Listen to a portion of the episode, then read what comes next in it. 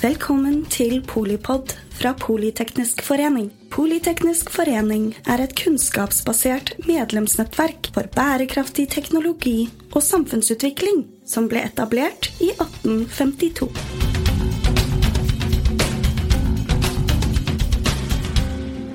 Autonome våpen vil sprenge skalaen for væpnet konflikt. Slike våpen vil kunne bli terrorinstrumenter, våpen som despoter og terrorister bruker mot uskyldige befolkninger. Vi har ikke lang tid til å handle. Når denne Pandoras-esken først er åpnet, vil den være vanskelig å lukke. Vi oppfordrer verdens stater til å avverge et våpenkappløp innen autonome systemer og beskytte sivile fra uansvarlig bruk av slike våpen, og å forhindre de destabiliserende effektene av disse teknologiene. Dette skrev Elon Musk og en rekke andre ledere innen kunstig intelligens og teknologi i et åpent brev for noen få år siden. Men hvordan kan man egentlig regulere autonome våpen og bruk av kunstig intelligens til militære formål? Og hva er egentlig problemet? Jeg heter Kjøll Vegeland, forsker på internasjonale problemer, og sitter i Politeknisk forenings styre for internasjonal politikk og økonomi. Dette er episode to i en serie om globale utfordringer og hvordan de kan løses. Dagens gjest er Cecilie Hellestveit. Cecilie er forsker ved Folkerettsinstituttet, har doktorgrad i krigens folkerett. Hun har arbeidet ved en rekke universiteter og institutter, og ble kåret til årets navn i Norsk Akademia i 2021. Hun er også ekspert på det vi skal snakke om i dag, nemlig autonome våpen. Altså våpen som i en eller annen forstand kan utøve makt uten menneskelig involvering. Cecilie, hvor er denne teknologien i dag? Hva er det vi liksom snakker om når vi snakker om autonome våpen? Det kan egentlig være mye. Og det som er utfordringen med det autonome våpenet, sammenlignet med f.eks. en viss type missiler, er at når man snakker om andre våpen, så snakker man om gjerne konstruksjonen. Hvordan er de laget? Hva er formålet med disse våpnene? Og hva er den ønskede, og gjerne også de utilsiktede effektene av dette våpenet? Eh, og når man snakker om autonome våpen, så tenker man ofte på disse drapsrobåtene. Og da er man kanskje ned på noe som man kan definere som et våpen. Men autonomi i militære operasjoner er det vi i realiteten snakker om. Og det er en kvalitet ved et våpen. Og det er det som gjør dette både eh, fascinerende og vanskelig å få helt grep om. Og det er også det som gjør det vanskelig å regulere. Fordi vi snakker ikke om en type våpensystem, egentlig. Vi snakker om en kvalitet ved våpen som trolig kommer til å rulles ut i alle former for moderne våpen vi har. Det gjør at når man snakker om hvor langt har vi kommet, så er det en kombinasjon av hva slags systemer som nå allerede er tatt i bruk, av militære aktører i verden, og den teknologien som er oppfunnet innenfor kunstig intelligens, kanskje med sivilt bruksformål, men som blir militarisert fordi den er gunstig å bruke i militære eh, operasjoner og til militære formål. Så når man snakker om hvor langt man har kommet, så er det akkurat når det gjelder autonomi et mye vanskeligere spørsmål å svare på, fordi det er mange forskjellige skalaer eh, samtidig. Det vi har sett de siste årene, er at de fleste militærapparater eh, i vestlige land, eh, eller hos store militærmakter, de har på en måte satt opp egne strukturer for kunstig intelligens. Eh, og andre former for teknologiske gjennombrudd som enten vi nettopp har kommet forbi, eller som vi står i, eller som ligger relativt kort tid foran oss. Og det som er utfordringen igjen, da Når vi snakker om kunstig intelligens, så er det jo noe som, eh, som gjør at mer av handlingene og analysene overlates til maskinene. Det flyttes fra mennesker og eh, den militære kommandolinjen over til maskinene. Uh, og den programmeringen som da foregår, ligger ikke nødvendigvis hos generalene eller hos de politisk-militære strategene, men hos programmererne. Uh, Så det er det ene. Og det andre er at det andre teknologiutviklingsløp da, som går på bioteknologi, som går på nanoteknologi, som går på gjennombrudd innenfor kvanteteknologi, kvantekomputing, som gjør at helt hvordan dette ser ut om to år, om fem år, om syv år eller om 30 år, er det egentlig ingen helt som kan si, fordi nå går utviklingen fort innenfor mange områder. Det er også noe av det som er eh, litt farlig, fordi vi har nå en teknologiutvikling som går såpass raskt og ukontrollert i en situasjon med geopolitisk rivalisering. Vi er i en slags eh, race for space, egentlig, som tilsvarer den utviklingen man hadde under den kalde krigen, da man gikk fra å si 'nå skal vi til månen', så gikk det ikke så mange år før man faktisk kom seg til månen. Fordi det var to stykker som kappes om å komme først. Og nå har vi en litt tilsvarende situasjon mellom særlig USA og Kina når det gjelder en del av disse teknologiske gjennombruddene. Og mange ser for seg at den av de to som først kommer til denne ene eller den andre målstreken, vil få en veldig stor dominans innenfor det militære. Og det, det, gjør at det er veldig vanskelig å si egentlig helt uh, sikkert hvor vi er. Det vi vet, er at de siste to-tre årene så er det stadig flere, også innenfor de militære sirklene, som klarere og tydeligere sier noen er nødt til å styre utviklingen. Noen må sette på bremsen enkelte steder, i det minste. Så det er ikke noe som bare kommer fra ingeniører og utviklere, eh, men også fra militære eh, sirkler. I økende grad, tenker jeg. Så vi vet at vi er et sted hvor utviklingen går veldig fort. Dette kommer til å få store, store konsekvenser for måten vi driver militær, militære operasjoner på. Eh, innenfor alle domener, altså innenfor landdomene, sjø, luft, rom, cyber og informasjonsdomene, alle disse seks domenene som vi etter hvert opererer med, kommer autonomi til å gjøre store ting som ikke nødvendigvis kommer til å være av det gode. Nettopp. Så det vi snakker om her, er langt på vei systemer for eh, informasjonsinnhenting og målutvelgelse, og ikke først og fremst, eller i hvert fall ikke bare liksom denne menneskelignende roboten med et gevær ute på slagmarken. Vi kan også se for oss et svært informasjonsinnhentingssystem med målutvelgelse som sender ut en missil fra et eller annet sted, uten at det er noen liksom, menneskelignende roboter uh, rullende ute på slagmarken. Ja, det er jo da den ene funksjonen til kunstig intelligens uh, og autonomi er jo veldig mye bedre situasjonsforståelser før man har en, eh, et militært angrep. Som gjør at man tenker her kan presisjonsnivået øke betydelig.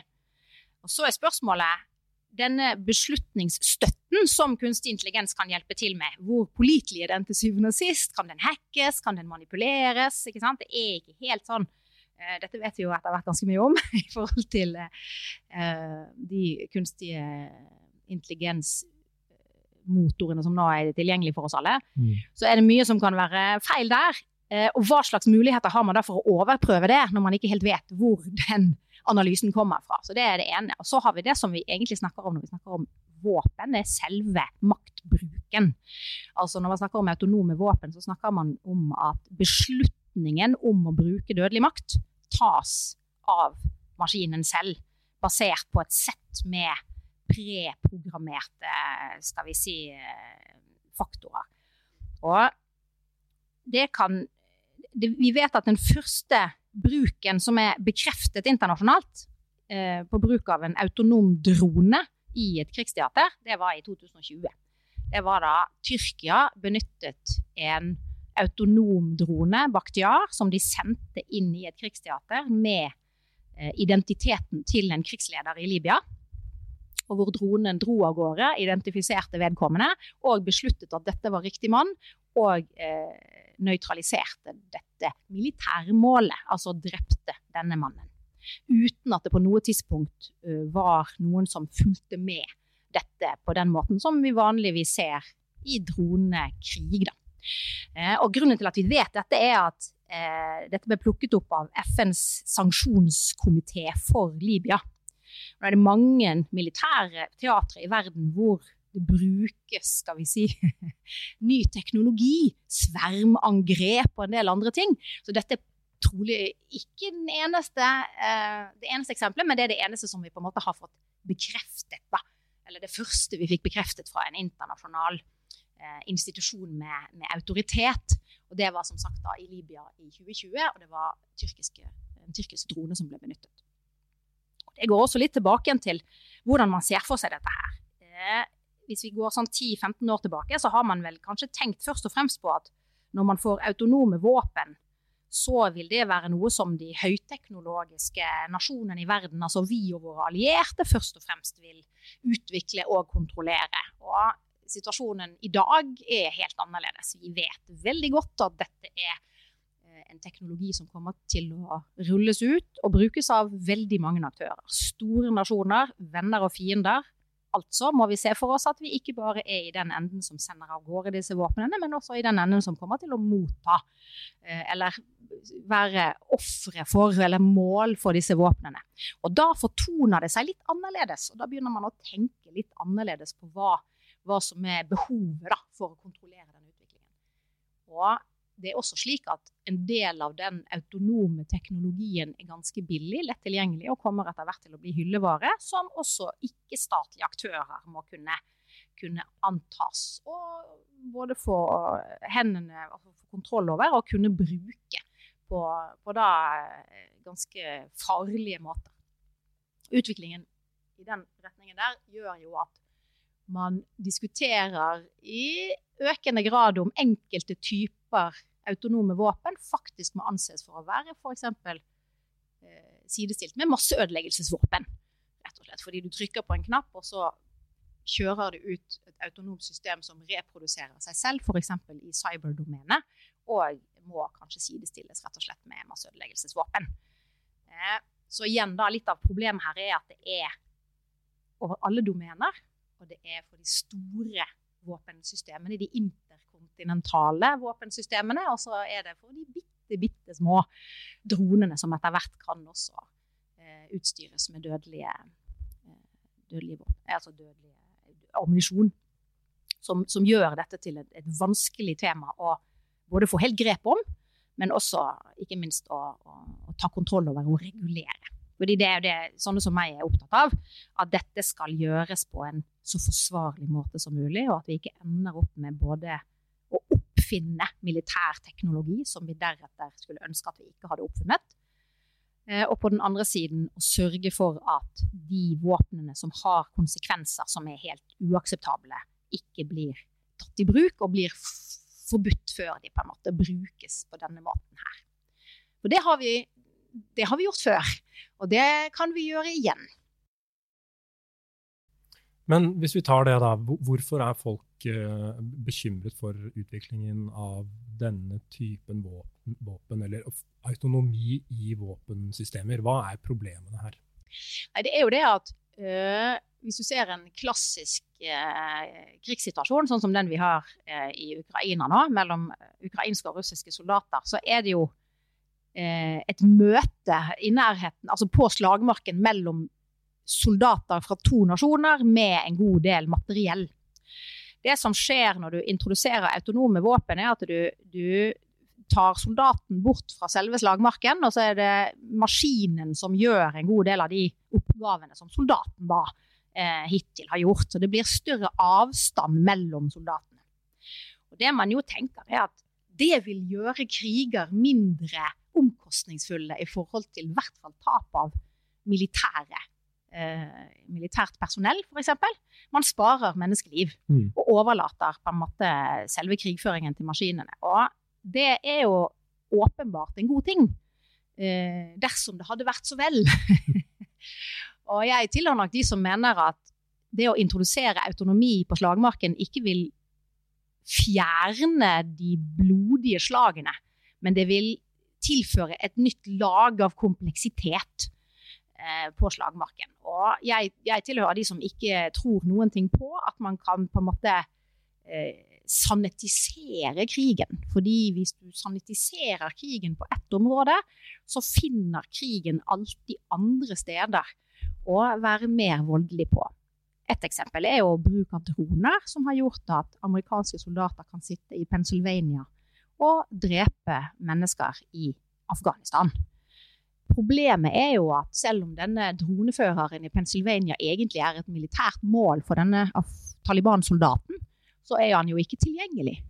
Og når ikke soldaten er tilgjengelig, så må Taliban-soldaten angripe det som han har tilgjengelig. Så det betyr at da er det de som er assosiert med den samme styresmakten som denne amerikanske dronesoldaten, som da blir målet for Taliban. Og det betyr at man sparer den amerikanske soldaten, men man eksponerer amerikanske hjelpearbeidere, f.eks. Det, det betyr ikke at krigen blir mindre brutal, men effekten av voldsbruken forskyver seg til andre steder i samfunnet. Og jeg tror nok at autonomi vil gjøre litt av det samme. Det kommer ikke til å sanetisere krig på den måten mange av oss kanskje ser for oss når vi sitter og, og på, på, på, tegnebordet og ser for oss de, de, optimale måtene dette kan brukes på. Så, så det er jo også den Det betyr ikke at ikke en autonom krigføringsmaskin ikke kan bli mye mer presis i forhold til utvelgelse av mål, i forhold til å forstå situasjonsbildet, og kanskje i stor grad også redusere sivil følgeskade. Men det betyr ikke at krig blir mindre brutal. Eh, og har mindre omkostninger, tror jeg. Hvis vi følger uh, Clausewitz, uh, de strategiske studienes far, så handler krig om å betvinge motparten gjennom vold og, og smerte. Uh, så en, en, en, krig uten Eller en, en kostnadsløs krig, den, den fins vel kanskje ikke, da. At dersom man skal vinne en krig, så må man påføre motparten skade, og den vil skje et eller annet sted. Og dette er jo en av de utfordringene med eh, autonome våpen. Man er jo bekymret for at hvis du kan si eh, at du kan bruke våpen istedenfor soldater til å angripe fienden, så vil motforestillingene hos befolkningen for å gå til krig være lavere. Så Det er jo det en av utfordringene her. Og den andre utfordringen er at eh, hvis du har anledning til å sende av gårde f.eks. Eh, maritime droner som kan gå veldig, veldig, veldig langt. Eh, så kan man drive med krigføring langt under der det er sivil infrastruktur, eller i hvert fall det kan man argumentere for. Det vil også senke på en måte eh, risikoen for politiske ledere til å innlede eh, eller eskalere situasjoner mot andre stater eller ikke-statlige aktører. Og det er jo en, etter mitt skjønn en uting, fordi da vil du allikevel komme i Eh, om, i, i, situasjoner hvor man kan ha eskaleringsfare, som enten ligger iboende i, i konflikter, eller som skjer fordi maskinene snakker sammen på feil måte. Eh, det som er definisjonen, den si, arbeidsdefinisjonen som vi har i dag av autonome våpen, er en som kommer fra internasjonale Røde Kors, ICRC, som har en veldig eh, sentral posisjon i krigens folkerett, altså i humanitærretten. Selv om ICRC i utgangspunktet vanligvis har en litt eh, eh, nedtonet rolle i forhold til våpen. Det er litt problematisk dette med våpen. For hvis du sier at dette våpenet her er forbudt, så sier du samtidig at alle disse andre våpnene er lovlige. Mm. Og det er en, en posisjon som, som, en humanitær organisasjon sliter med. Men ICRC har foreslått at arbeidsdefinisjonen på militære, altså på autonome våpen, det er våpensystemer som kan velge ut og benytte militærmakt mot militære mål uten menneskelig innblanding. Og så har vi noen ekspertmanualer som er utviklet av humanitærrettseksperter. Og de har også variasjoner av dette. Blant annet har du en Oslo-manual fra 2020 som sier at et autonomt våpen det er et våpensystem som er programmert til å avgjøre om en gjenstand eller en person utgjør et militært mål, om målet skal angripes, og i så fall hvordan og når. Altså eh, i forhold til eh, en, et gevær, da.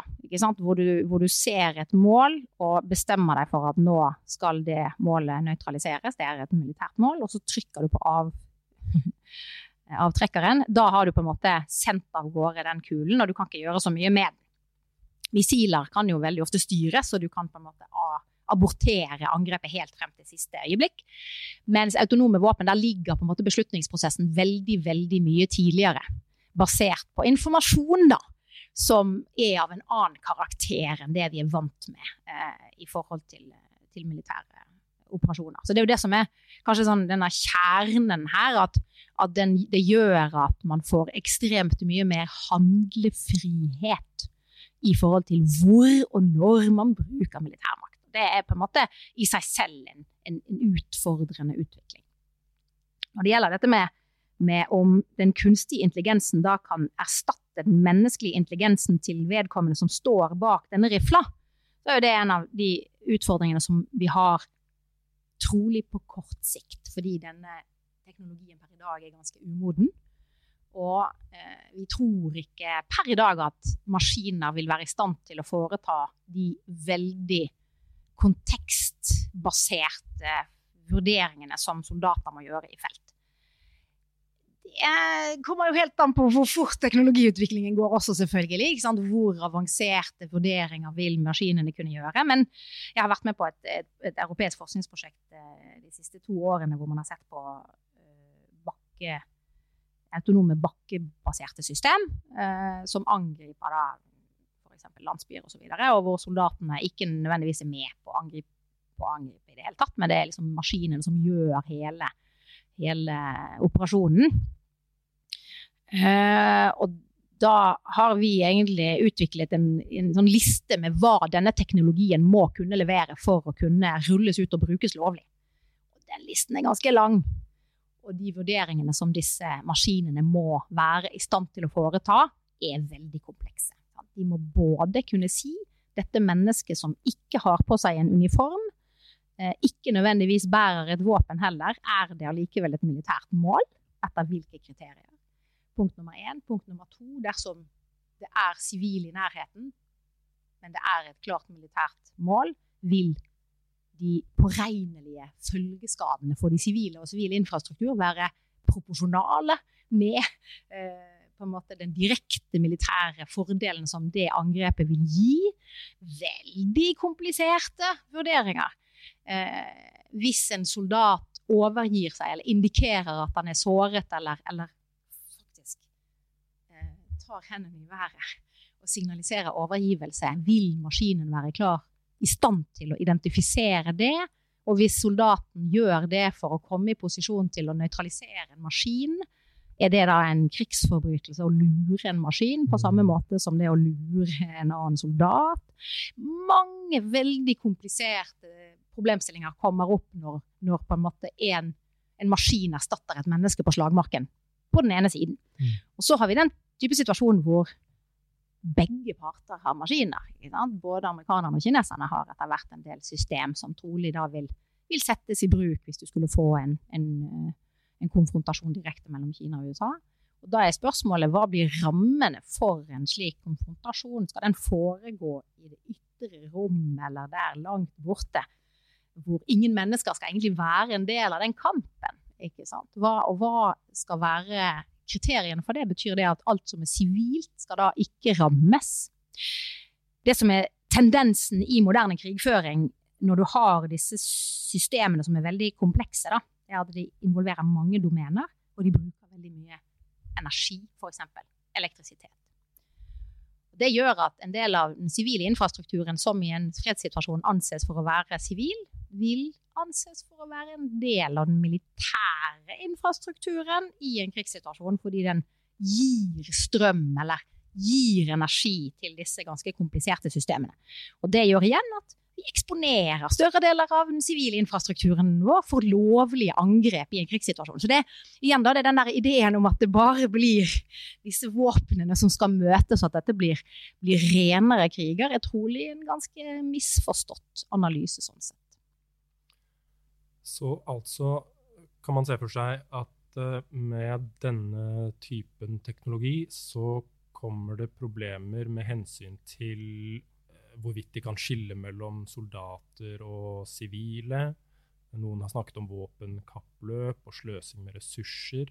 Vi har også dette problemet med ansvar og hvem som eventuelt er ansvarlig hvis ting går gærent. Her snakker vi om eh, til dels i hvert fall dataprogrammer med hundretusenvis millioner av sider med koding som ingen kan lese. Eh, så her er det åpenbart vanskelige problemstillinger. Men hvor er den diplomatiske prosessen nå, eller reguleringsforsøkene? Det har jo vært eh, egentlig pågående i omtrent ti år. Så har stater eh, snakket om, om, dette i ekspertgrupper i, i. Hva er det som skjer? Det er også litt kompleksiteten i temaet gjør det krevende å, å ha gode diplomatiske prosesser. I 2004 så etablerte FN en gruppe for moderne teknologi, som så på mer sivil teknologi. Eh, så det har på en måte vært ett spor, og det er jo et spor som bare det siste året har blitt veldig mye mer håndfast, eh, bl.a. i Europa. Nå er det en, en kunstig intelligens-lov som ligger til behandling i EU. Også i Europarådet, som da er eh, den europeiske menneskerettighetskonvensjonen og domstolen osv. Der fremforhandler man nå en, en, rammekonvensjon for kunstig intelligens. Eh, men begge de to handler om sivil teknologi og avgrenser mot militær bruk. Og så har du på en måte den militære delen av dette, som selv om den bruker ofte sivil teknologi og militariserer den, så er det på en måte det som er, eh, er det andre sporet. Og der startet man i 2013 og 2014 i Genéve i det som heter eh, Rammekonvensjonen for konvensjonelle våpen, som er CCW, hvor eh, stater møtes for å diskutere våpen som er problematiske. Eh, og der eh, vedtar man protokoller dersom alle statene blir enige om, basert på et prinsipp om konsensus. Eh, som gjør at alle stater har veto. Rett, og, og, man ender opp med det, det, den, den, dårligste meteren man kan finne, på en måte den laveste felles multiplum. Eh, der startet man å diskutere dette. Eh, og så opprettet man i 2016 en såkalt eh, regjeringsekspertgruppe som skulle diskutere hvordan vi skulle ta dette videre. Og den regjeringsgruppen kom i 2019 med elleve prinsipper for bruk av autonome våpen. Og det de sa der, var at de var enige om at jorden var rund, solen var i midten av vårt solsystem, og jorden går rundt solen. Det var helt innlysende til, ting som allerede fulgte egentlig av, av, av gjeldende internasjonale traktater og prinsipper, faktisk. Men, men et, et, greit utgangspunkt allikevel, fordi da er man i hvert fall enige om, om at, at, jorden er rund. At vi er, i, at vi er i solsystemet. Ja, vi er i solsystemet. Og eh, 2019, og så i 2022 Eh, så gikk dette seg helt fast. Og det var først og fremst fordi man aldri klarte å bli enige om hva autonome våpen var. Eh, og mange mente at noen av statene insisterte på å finne en definisjon før man gikk videre, fordi det var en enkel måte å sabotere hele prosessen på.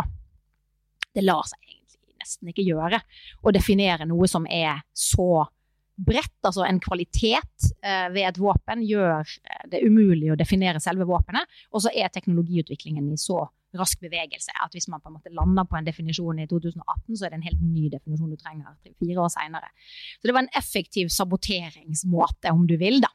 Og den eh, prosessen gikk seg på en måte eh, fast. Og i 2022 så gikk da 70 stater inn i FNs generalforsamling og erklærte at vi trenger en form for regulering av eh, autonome våpen.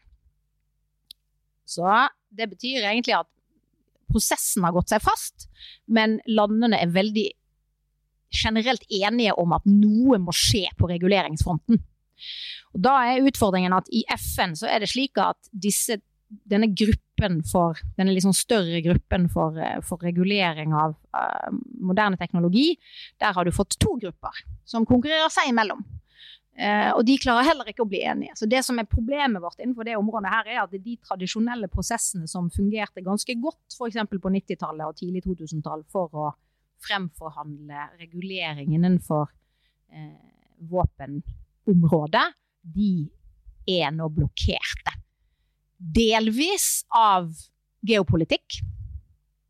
Eh, dette skjedde lenge før russerne gikk til angrep på Ukraina. for å si Det sånn. Det er, ikke, det, det er mye mer grunnleggende interessemotsetninger her. Og det er jo kanskje særlig dette våpenkappløpet mellom kineserne og, og, og amerikanerne som gjør det veldig vanskelig å se for seg at man kan få til noe her, hvis ikke de to store aktørene går inn og sier at vi vil ikke at noen skal bruke f.eks. autonome plattformer til bestemte typer eh, ammunisjon. F.eks. atomvåpen eller andre former for, for masseødeleggelsesvåpen. Så kan du si at jo, men dette er jo allerede forbudt. Og det kan du jo argumentere for. Problemet er eh, at innenfor akkurat det området her, så er det en del land som da ikke vil anse seg forpliktet av noen av de traktatene vi har. Så da blir det for mye Det blir for lite paritet. Det er jo en, en, del av det samme vi ser med mange store land, eller særlig USA og Russland, som går ifra avtaler som ble fremforhandlet under den kalde krigen hvor det mm. gjerne var USA og Sovjetunionen som var liksom de to, to, store aktørene. Og nå kommer andre aktører opp, ikke sant? Mm. Kina inn fra, fra venstre. Eh, og en del andre land også, sant? innenfor for rom f.eks. Så det er mange, mange flere som egentlig bør være omfattet av disse reguleringene. Og Det handler også om paritet. Enten så skal alle være bundet, eller så skal ingen være bundet mm. innenfor teknologiutviklingen. Og det det er veldig krevende å få, få til det i, i, den La oss si forbigående uh, geopolitiske, veldig spente situasjonen vi har i dag. Fordi det er veldig viktig å huske på at her, vi er ikke på vei inn i en, en normal situasjon med så høy geopolitisk spenning som vi har i dag, tenker jeg. Vi skal på en måte på et tidspunkt over i noe som er mer rolig, og trolig vil det bli muligheter for regulering også sikkerhetspolitisk om noen år. Spørsmålet vårt nå er at det er nå teknologien utvikles, og hva gjør vi da for å, for å hindre at vi finner opp teknologi som vi deretter skulle ønske vi ikke hadde funnet opp, f.eks. som med atomvåpen. Men uh, dette forumet, eller denne rammekonvensjonen, CCW, den regulerer egentlig spesifikke, bestemte våpen. Men det vi snakker om her, er jo da altså ikke egentlig eh, spesifikke våpen, men en egenskap eller en kvalitet ved en hel masse forskjellige typer våpen. Alt fra en landmine, som er i noen grad selvstyrt, til et sånn super high-tech eh, fremtidig cybervåpen basert på generell kunstig intelligens. Så vi snakker egentlig her om helt sånn generelle prinsipper for menneskelig kontroll egentlig da, hører dette hjemme i CCW. Jeg har tenkt at dette kanskje hører hjemme et helt annet sted, som i Genéve-konvensjonkonteksten f.eks. Er det en sånn protokoll vi burde ha, og ikke en CCW-protokoll? Jeg tenker også at det CCW-initiativet var bra og viktig for så vidt. Det burde ha stanset mye tidligere. Eh, men det å være innom CCW er nær sagt den veien du går. Veldig mange av de eh, forbudstraktatene som vi har fått siste, siden 90-tallet, har jo vært innom CCW, og så har de gått seg sure der. Og så har man tatt initiativ til, til, prosesser utenfor CCW, enten da med enkelte likesinnede land, eller så har man eh, kanskje også tatt det til FN. Eh, på akkurat det sikkerhetspolitiske området så er ofte traktater som fremforhandles utenfor FN-systemet, mer eh, skal vi si, effektive. Spørsmålet her er jo om det vil fungere, fordi temaet er så stort. At, og her må man ha med seg de store. Og det å ikke ha med seg de største er, vil være ganske uh, fånyttes, egentlig. Du må ha med deg de fremste teknologidriverne i verden på dette. Men det som er gode nyheter, er jo at der begynner det å demre for de fleste at ingen av oss, altså som i eh, menneskeheten og kloden, har ikke interesse i at det kappløpet vi holder på med nå, sporer helt av. Eh, så det er en felles interesse der, og det samme gjelder for militære, militære aktører i verden. er generelt litt skeptiske til autonome våpen, fordi det fratar de militære makt. Og eh, gir mer makt til politiske ledere og til skal vi si, programmerere. Men det er fortsatt de militære lederne som blir hengt Ikke sant? Det er de som vil bli holdt ansvarlige til syvende og sist for bruken av eh, autonome våpen. Og det er en av de tingene vi har sett de siste årene. At i de manualene, i eh, prinsipperklæringene som har kommet fra mange forskjellige hold, fra ulike stater, så er det ett prinsipp som etter hvert ser ut til å lande. Det er at militære ledere som benytter autonome våpensystemer, er ansvarlige for effektene av den bruken. Det er jo en form for en måte, begrensning her. Sant? Fordi militære ledere vil ikke være med på å sende av gårde hva som helst, hvis det er de som til syvende og sist skal være ansvarlig for det. Men igjen, dette er eh, likevel problematisk hvis man er i en, en eskalerende eh, dynamikk med andre, andre stater, og, og, og, man begynner å se for seg mulighetene til mellomstatlig krig hvor man trenger det man har tilgjengelig osv. Så videre. men, men, men det skjer en slags skal vi si, eh, endring i forventningene og ansvarsplasseringen her. Det, det, har vi sett de siste årene, uten at dette her er formulert i en traktat eller på en måte er helt, helt eh, slått fast ennå. Jeg tenker at det er tre måter å se for seg at autonome våpen reguleres de neste årene. Den ene måten er at store stater kommer sammen for å bli enige om noen typer våpen Eh, systemer som ikke skal være autonome, fordi de vil ødelegge på en måte. De vil, de vil eh, kunne rive ned vår nåværende verdensorden. Eh, fordi de vil kunne føre til helt uakseptable sivile eh, tap. Altså masseødeleggelsesvåpen, f.eks. At man blir enige om noen sånne grunnprinsipper eh, som skrives i en traktat. Det er én måte. Det er en vanskelig ting tror jeg. Fordi det vil være for mange temaer, eller det vil, det vil være vanskelig å få til. Den andre muligheten er at man tar Genévekonvensjonene for eh, beskyttelse av krigens ofre, som man har. Sant? De fire Genévekonvensjonene, som er de eneste konvensjonene som er ratifisert av alle stater i verden. Absolutt alle stater i verden er bundet av de fire. Og så har man to tilleggsprotokoller. Og de fleste stater er bundet av de fleste bestemmelser der også, fordi det anses for å være sedvanerett. Men det man kunne gjøre, er å fremforhandle en, eh, en fjerde protokoll. Det finnes en tredje protokoll, men den er mer eh, sånn formalistisk.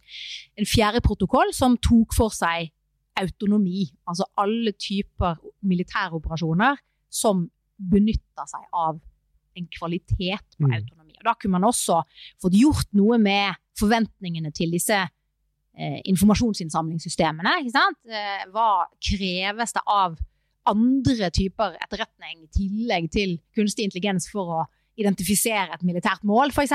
Man kunne gått igjennom veldig mye mer enn selve våpenet. Da.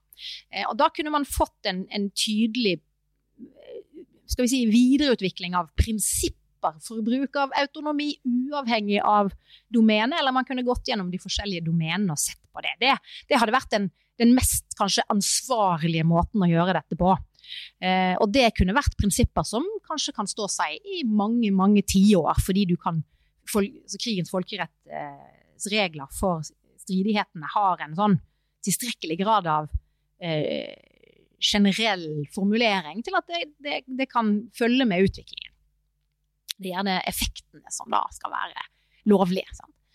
Eh, og den tredje muligheten, eh, og det er kanskje den som er aller best, egentlig, eh, det er liksom min favorittløsning, vil være å få en ny CCW tilsvarende rammekonvensjon for autonomi, hvor de landene i verden som driver med utvikling eller bruker autonomi, egentlig er forpliktet eller forventet å være med der.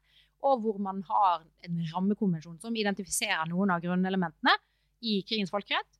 Eh, og så hver gang det kommer en ny type teknologi, kommer jo til å komme på løpende bånd de neste årene, eller de neste tiårene, så kan man ta det opp til diskusjon der. Og så kan man på en måte prøve å tilpasse det forumet slik at man ikke tar med seg alle de skal vi si, lessons learned eh, som ikke har fungert, f.eks. i CCW i Genéve for vanlige konvensjonelle våpen. Så det er jo ikke det at man er helt eh, i beit for, for, mulige måter å løse dette på, men, men som sagt er vi i et sted nå hvor det er veldig krevende å få politisk vilje i de store hovedstedene i verden. Så er spørsmålet om denne sorte svanen, the black swan, som har blitt skal vi si, sluppet løs, da. For folk flest, hvor folk begynner å forstå både hvor fort kunstig intelligens-utviklingen foregår nå. Fordi for hver gang det slippes en ny chat-GTP-versjon, så ser du at det, det skjer veldig fort. Og samtidig begynner folk å innse hvor store, dramatiske endringer som, som, som, dette kan ha for våre samfunn. Så det har jo skjedd en sånn oppvåkning som jeg tror også forplanter seg eh, ikke bare inn i viljen og mulighetene for å få regulert sivil kunstig intelligens, men også eh, militær bruk. fordi det hjelper jo ikke å å, regulere den sivile bruken hvis de militære får lov til å holde på eller fortsette ufortredent videre her. Det, det går ikke. Og jeg må si en av de tingene som jeg er mest optimistisk av nå, er jo at denne nye loven som er til diskusjon i EU, kommer til antageligvis å forby utvikling av en del type teknologier. Det betyr ikke at man skal si denne type teknologi skal aldri oppfinnes. Det betyr at nå er ikke tidspunktet for å oppfinne denne type teknologi, for vi er for umodne, rett og slett. Eh, og det har vi jo eksempler på fra våpenutviklingen. I 1993, 92-93, på tidlig 90-tall, så rullet man ut eh, laservåpen. Som eh, hadde den litt leie effekten. Det var laservåpen som da skulle hindre fiendtlige soldater i å se at det kom et angrep. Uh, og den litt leie effekten var at man ønsket jo at det skulle skje akkurat når, like før angrepet på en måte ble gjennomført. Men disse soldatene ble da blinde for livet. Da besluttet verdens stater, etter at de egentlig hadde forberedt seg på å ta i bruk disse, å forby disse våpnene. Og i 2018, altså eh, nesten 30 år seinere, så rullet man ut laservåpen. Med akkurat den samme militære effekten med unntak av at nå ble soldatene bare blinde i fem minutter. Og så fikk de tilbake en syn. Og Det er jo litt det som er effekten her. Sant? Man ønsker å vente med en del type teknologi fordi utviklingen går for raskt. Og dersom det skjer, så kan nok det få en slags sånn eh, effekt også for den militære utviklingen. Håper sånne som meg. Hvis vi skal tillate oss å være litt, litt eh, optimistiske her. Men altså, jeg tenker nok at for to år siden, eller sågar bare i fjor, var det grunn til å være mer bekymret. Det har skjedd noe med eh, den politiske viljen til å ta tak i dette. Bare de siste månedene, det er jo om å gjøre at man da vet å smi mens hjernen er varmt. Så her er det altså uh, diplomatiske møter som foregår i uh, Genéve. Har gjort det i omtrent uh, ti år. Norge er med der. Hva, de, hva gjør norske diplomater uh, i, i, denne prosessen på vegne av uh, det norske demokratiet? Ja Dette er en litt vond eh, historie, egentlig. Norge var jo veldig langt fremme i eh, humanitær nedrustning. Det har vi vært eh, i mange år, men på 90-tallet så var Norge helt instrumentelle, bl.a. for å få fremforhandlet antipersonellminekonvensjonen og seinere også klasevåpenkonvensjonen. Og dette her er konvensjoner som har hatt store effekter for eh, humanitære lidelser. Altså har begrenset humanitære lidelser i, i, en del av de krigene vi har hatt, og har antageligvis også endret en del store staters bruk av disse våpnene. Selv om en del stater ikke har ratifisert disse traktatene, så har de endret sin bruk av disse våpnene, fordi det er en høyere politisk omkostning ved bruken av dem. Så i sum har det blitt redusert. Eh, og det gjør at veldig mange flere mennesker lever i dag og har alle sine lemmer i behold, som ikke ville hatt det hvis ikke vi hadde fått de eh, konvensjonene. Selv om man hadde sett akkurat de samme konfliktene, men da med en annen type virkemiddelbruk. Og det, dette her er jo ting som vi anser for å være av et ubetinget gode. Eh, og man skulle tro at dette var en type politisk eh, aktivisme fra norsk side som vi tillater oss å drive med. Men det har jo skjedd noe i Norge de siste årene hvor Norge velger å ikke ta den type initiativ. Eh, innenfor det som er mer skal vi si, sikkerhetspolitisk upopulært, særlig hos en del store nasjoner, enten venner eller fiender, eller ofte faktisk begge deler.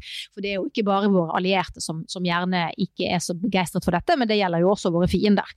Og, og jeg ville jo tenkt at nettopp fordi de som vi anser for våre potensielle fremtidige motstandere militært, eh, så er det jo ennå en god grunn for Norge til å jobbe med dette. fordi det er jo ikke bare en generell hjelp til humanitær nedrustning, det er også hjelp til en humanitær nedrustning som til syvende og sist også vil hjelpe oss selv hvis vi havner i en væpnet konflikt. Så det er en slags hjelp til selvhjelp også. Og så er spørsmålet hvor mye hvor mye er du villig til å legge deg ut med store allierte nasjoner? Og der har det nok skjedd en liten endring de siste årene, hvor Norge er, holder en lavere profil. Jeg tror nok hvis du skal tidfeste det, så er det nok ikke så langt unna 2014 da Russland begynte å bevege seg. Og Spørsmålet er i hvor stor grad dette her har sammenheng med at Norge anser at vi må være på en måte mer lydige overfor våre allierte for å være like godt beskyttet. Jeg tror det er en feil analyse. Jeg tror at enkelte av disse, skal vi si, eh, dette rommet for ulydighet, da,